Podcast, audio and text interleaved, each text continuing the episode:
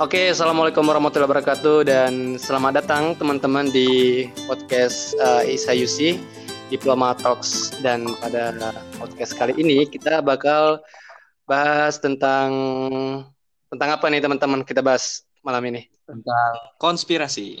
Oke, konspirasi. kita bakal bahas masalah konspirasi nih uh, yang berkaitan dengan fenomena COVID-19.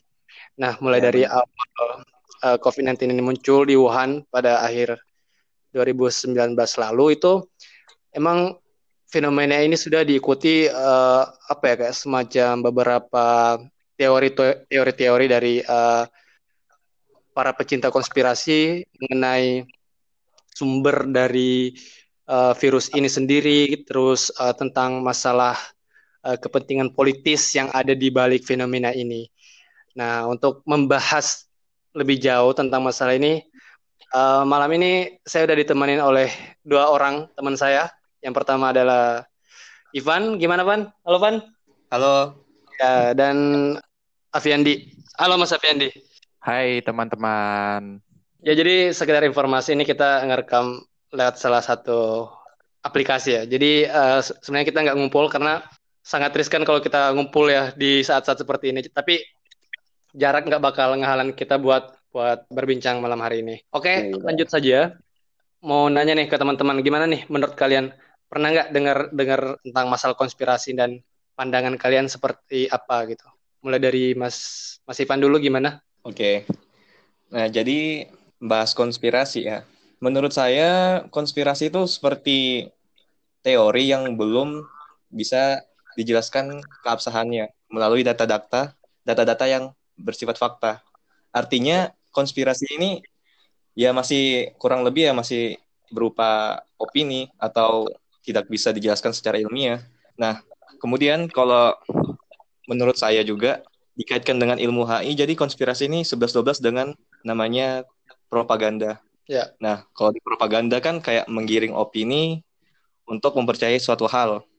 Nah, jadi 11-12 dengan konspirasi, di mana konspirasi juga ya seperti tadi memberikan suatu uh, pendapat atau suatu pandangan.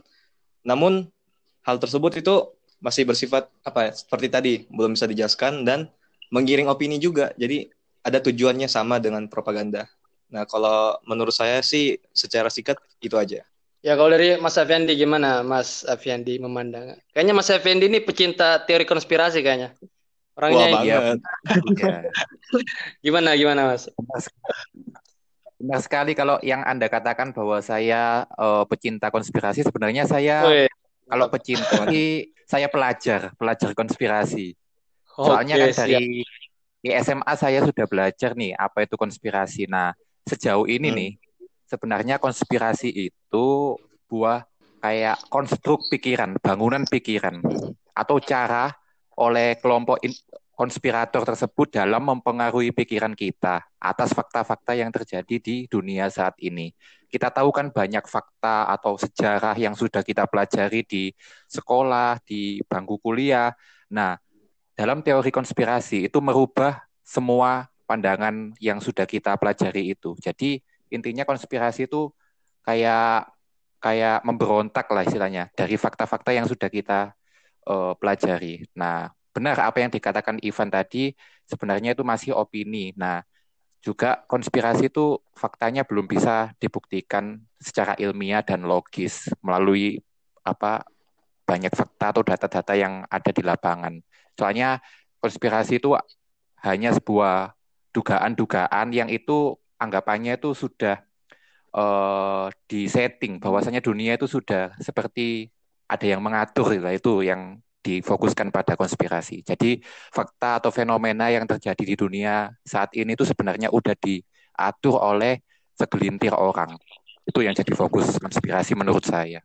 Oke, jadi uh, emang ya kalau kita ngomong konspirasi ini percaya nggak percaya juga ya. Soalnya mereka memang mengambil perspektif itu yang yang di luar dari kata mainstream. Jadi emang kadang orang melihat suatu hal itu secara biasa tapi Eh, orang-orang uh, yang bisa paham mengenai masalah konspirasi ini biasanya mereka semacam menghubungkan menghubungkan pola. Nah, dari pola-pola inilah mereka biasanya mengambil kesimpulan bahwa segala sesuatu yang terjadi itu sudah diatur mungkin semacam itu ya.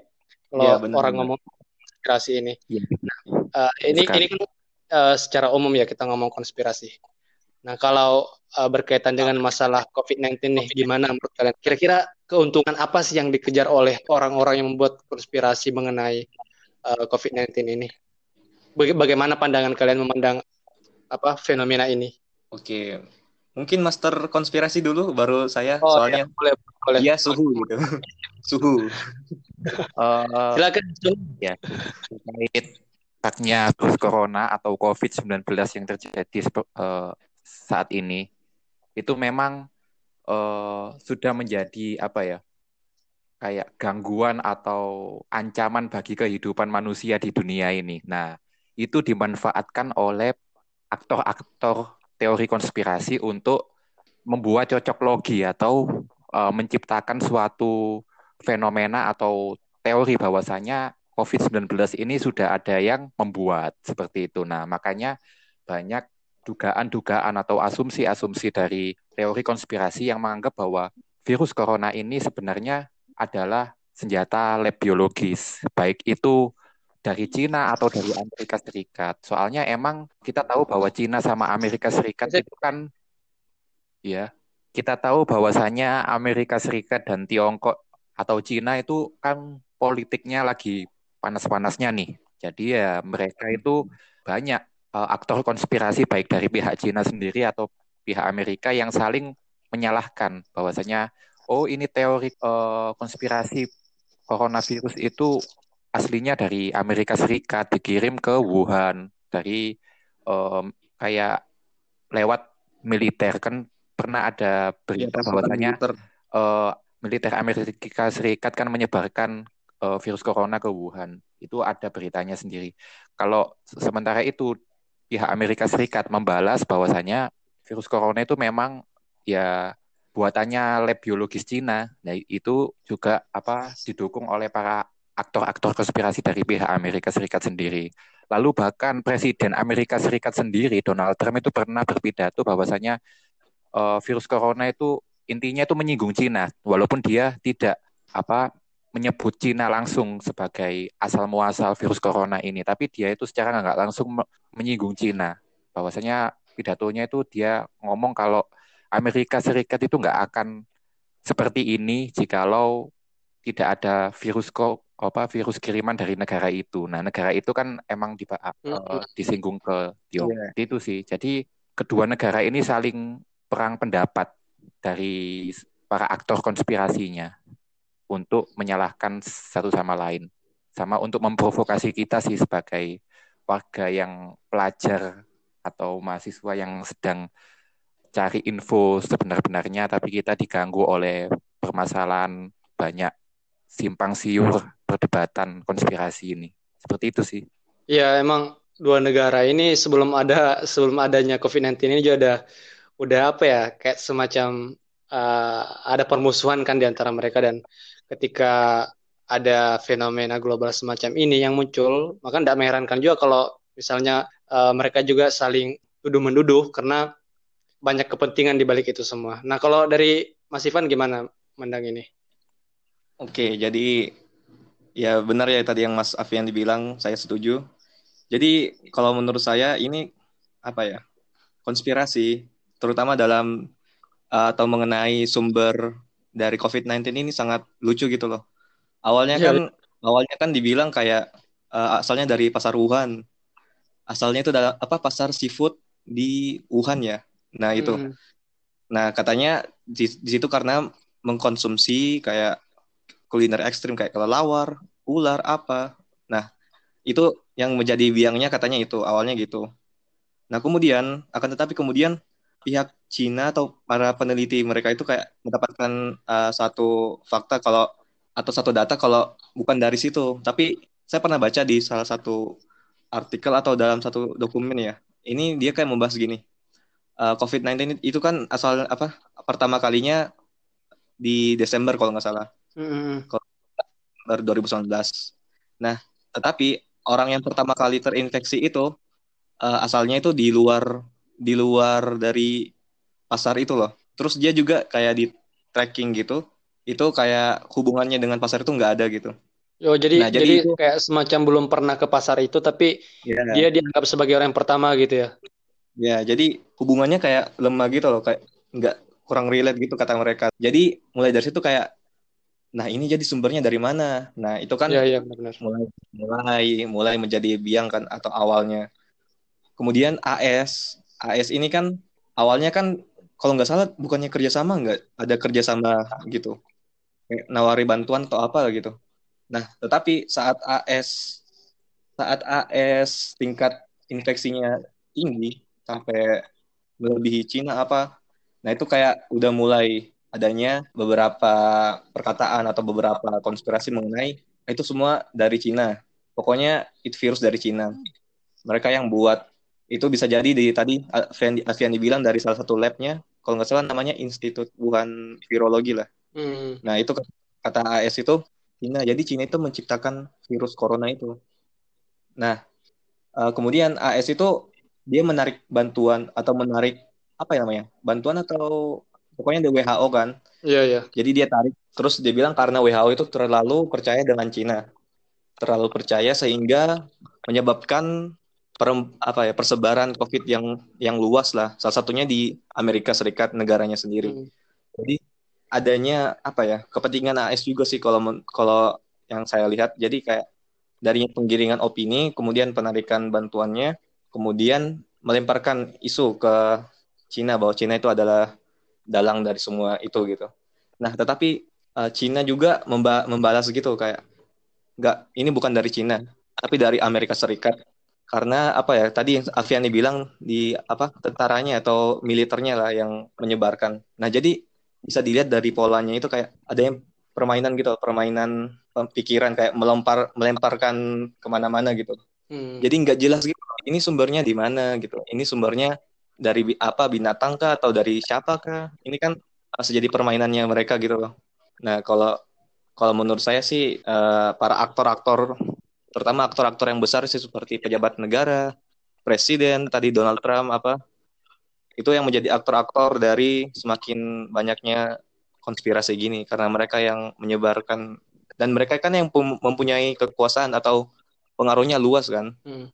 jadi itu semakin memperkuat sih memperkuat dari konspirasi-konspirasi tersebut ya emang sih uh, dan ketika virus ini juga mulai menyebarkan kita bisa melihat bahwa di masyarakat uh, global uh, muncul kayak semacam apa ya kayak semacam sentimen gitu loh terhadap masyarakat uh, yang yang berasal nah, dari iya. dari Cina kayak semacam rasisme kemudian hmm. uh, dituduh sebagai pembawa virus meskipun mereka aslinya sebenarnya belum pernah Cina tapi cuma sebagai keturunan gitu tapi mereka tetap tetap tetap apa ya kayak uh, mendapatkan imbas dari konstruk yang terbentuk di masyarakat itu dan emang benar tadi kata Ivan bahwa uh, konstruk semacam ini juga bukan cuma dilakukan uh, oleh oleh masyarakat biasa, tapi bahkan pejabat-pejabat tinggi. Nah, contohnya kemarin uh, Donald Trump dia itu kayak semacam apa yang menganggap bahwa uh, uh, beberapa kali menggunakan term virus Wuhan, Wuhan virus itu kan hmm, secara benar, benar. secara nggak langsung itu kayak semacam mengkonstruk pikiran bahwa ini virus emang virus Cina, dari Wuhan, uh, uh, virus Cina. Ya, dari Cina. Mm -hmm dan pernyataan semacam itu memiliki imbas yang cukup besar dan bahkan sempat dibalas juga oleh oleh ini uh, apa uh, juru bicara Kementerian Luar Negeri Cina Zhao yeah. Lijian uh, dia pernah mentweet salah satu artikel tentang bagaimana sebenarnya virus itu berasal dari uh, Amerika Serikat. Nah saya tadi sempat nyari nyari ininya nyari uh, twitternya dan pas saya coba buka uh, artikelnya ternyata udah nggak bisa kebuka nggak tahu kenapa artikelnya itu. Udah dihapus ah nggak tahu itu kenapa nggak bisa kebuka. Nah oke okay, uh, eh, jadi uh, emang kalau misalnya kita lihat COVID-19 ini cakupannya tuh sungguh apa ya sangat sangat mengglobal gitu loh. Bahkan hampir setiap negara terkena bahkan Amerika Serikat pun Amerika Serikat pun nggak uh, luput. Dan imbasnya itu bukan hanya terhadap kesehatan masyarakat tapi juga terhadap sektor-sektor kayak semacam sektor sosial, ekonomi dan politik. Dan emang gak mengherankan kalau misalnya kita lihat bahwa fenomena ini dijadikan oleh beberapa beberapa uh, aktor sebagai alat politis. Itu uh, emang sesuatu yang apa ya? yang masuk akal sih sebenarnya kalau kalau semacam itu.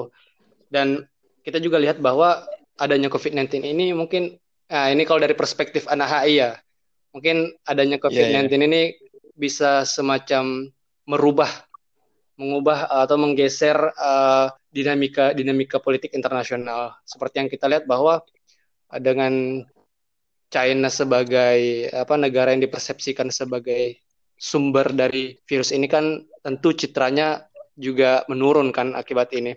Dan di sisi lain Amerika Serikat sebagai negara superpower bahkan uh, mereka menjadi negara yang paling ini ya yang paling banyak positifnya uh, salah ya, satu negara yang, ya, yang paling parah juga terkena uh, COVID-19 ini. Nah, gimana nih kalau dari pandangan teman-teman apakah ini adalah sesuatu yang benar-benar baka, bakalan ngerubah dinamika politik internasional kita atau seperti apa?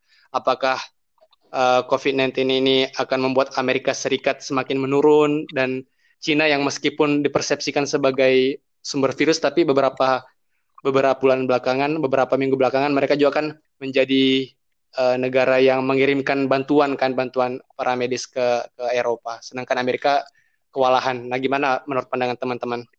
Ya, dari Ya, mungkin dari dari Aviandi dulu lah, Mas Aviandi. Oke, oke. Uh, sebenarnya kalau mengenai persepsi atau pandangan orang-orang uh, terhadap politik internasional itu awalnya itu melihat bahwasannya sumber masalah kan dari Wuhan, dari Tiongkok. Iya. Jadi mm, mereka itu menganggap Tiongkok itu ya itu negara yang uh, istilahnya menyebarkan penyakit atau pandemi COVID-19 ini. Jadi mereka beranggapan bahwa ya Cina itu perusak apa kesehatan iya, dunia. Yeah. Nah, itu juga akhirnya um, menganggap bahwasanya reputasi dari Cina sendiri itu akhirnya menurun.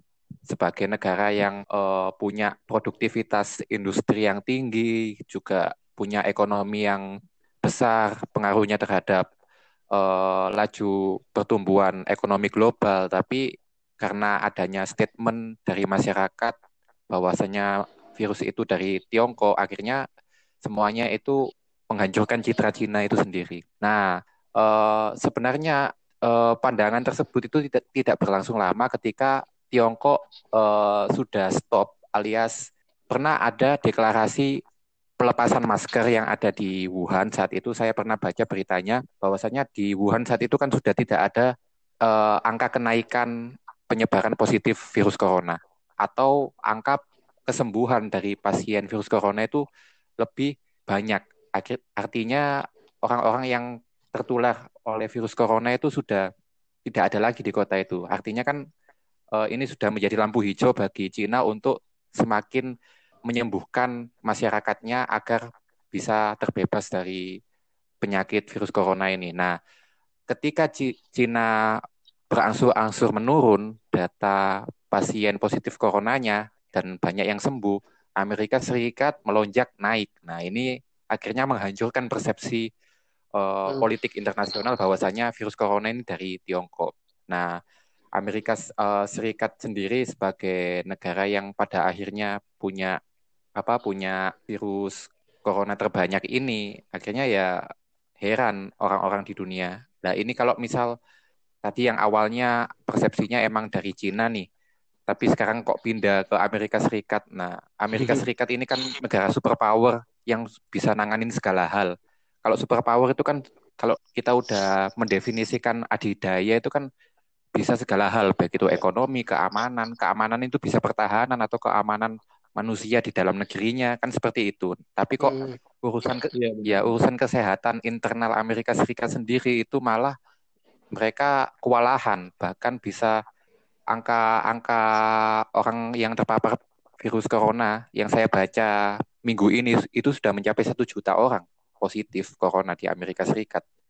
Nah, itu berapa persen dari keseluruhan penduduk Amerika Serikat yang berjumlah 300 juta itu. Nah, nah itu kan uh, menandakan bahwa Amerika Serikat sendiri sebagai adidaya yang maju dalam sektor mana pun itu kewalahan menangani uh, virus corona ini, apalagi menangani ma masyarakatnya sendiri yang itu juga kita tahu banyak ditemukan masyarakat yang kontra terhadap kebijakan PSBB maupun lockdown yang ada di Amerika Serikat.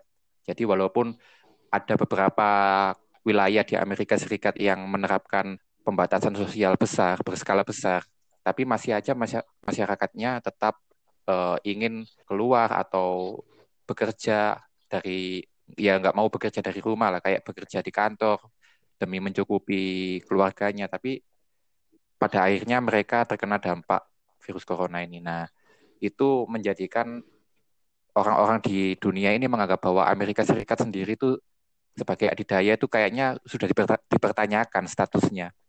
Kalau misal adidaya mereka kok kena sebanyak ini.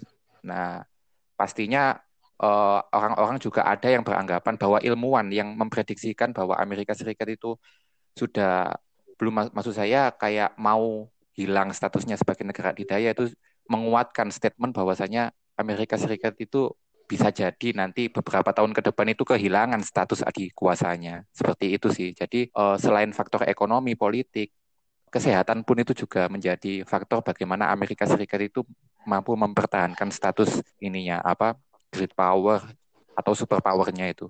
Seperti itu sih.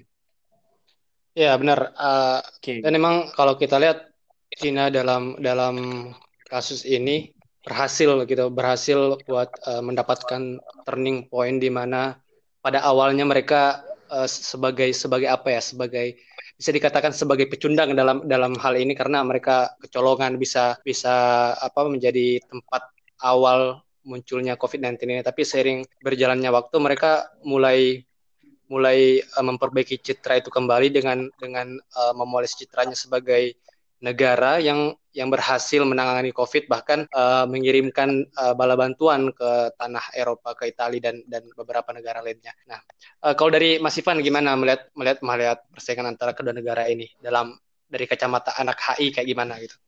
Oke oke. Jadi kalau menurut saya benar tadi yang Mas Avian dibilang saya setuju. Uh, saya tambah tambahin ya. Kalau menurut saya mungkin sekarang itu waktunya Amerika Serikat dengan Cina itu untuk berlomba-lomba dalam tadi menyebarkan pengaruhnya.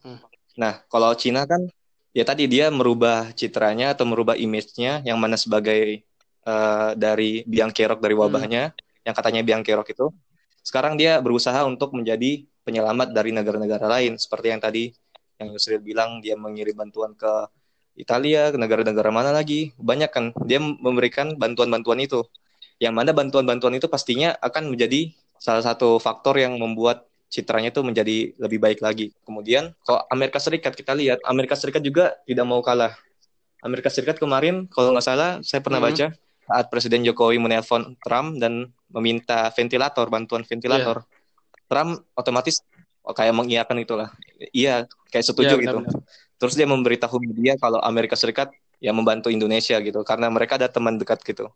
Jadi kayak adanya perlombaan dari negara-negara besar ini untuk ya tadi untuk citranya biar nggak jatuh gitu.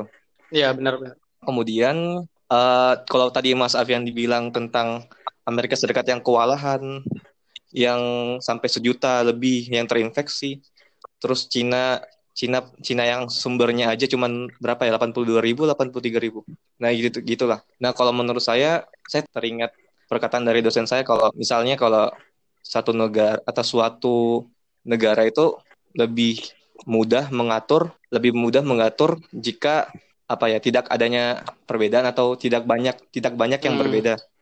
Nah, kemudian ah, bisa kan kita lihat kalau Cina kan dia negaranya ya one China policy satu gitu loh. Kalau Amerika Serikat kan dia apa ya federasi kan dia kumpulan dari negara-negara bagian. Nah, itu yang mungkin membuat susah juga kontrol dari Amerika Serikat. Yeah. Soalnya masih ada pemerintah negara bagian. Jadi seperti yang Fendi bilang tadi, ada yang nggak menerapkan kebijakan pemerintah lah untuk menangani itulah, menangani uh, persebaran COVID lah. Nah jadi kayak susahnya gitu sih, adanya perbedaannya di situ.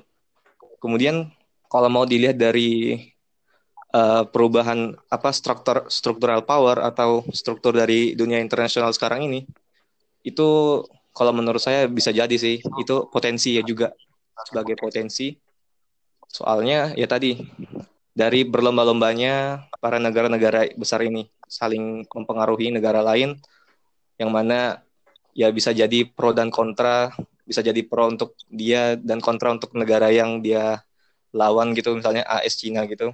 Saling kan mereka saling ya tadi melawan lah, saling kontras gitu.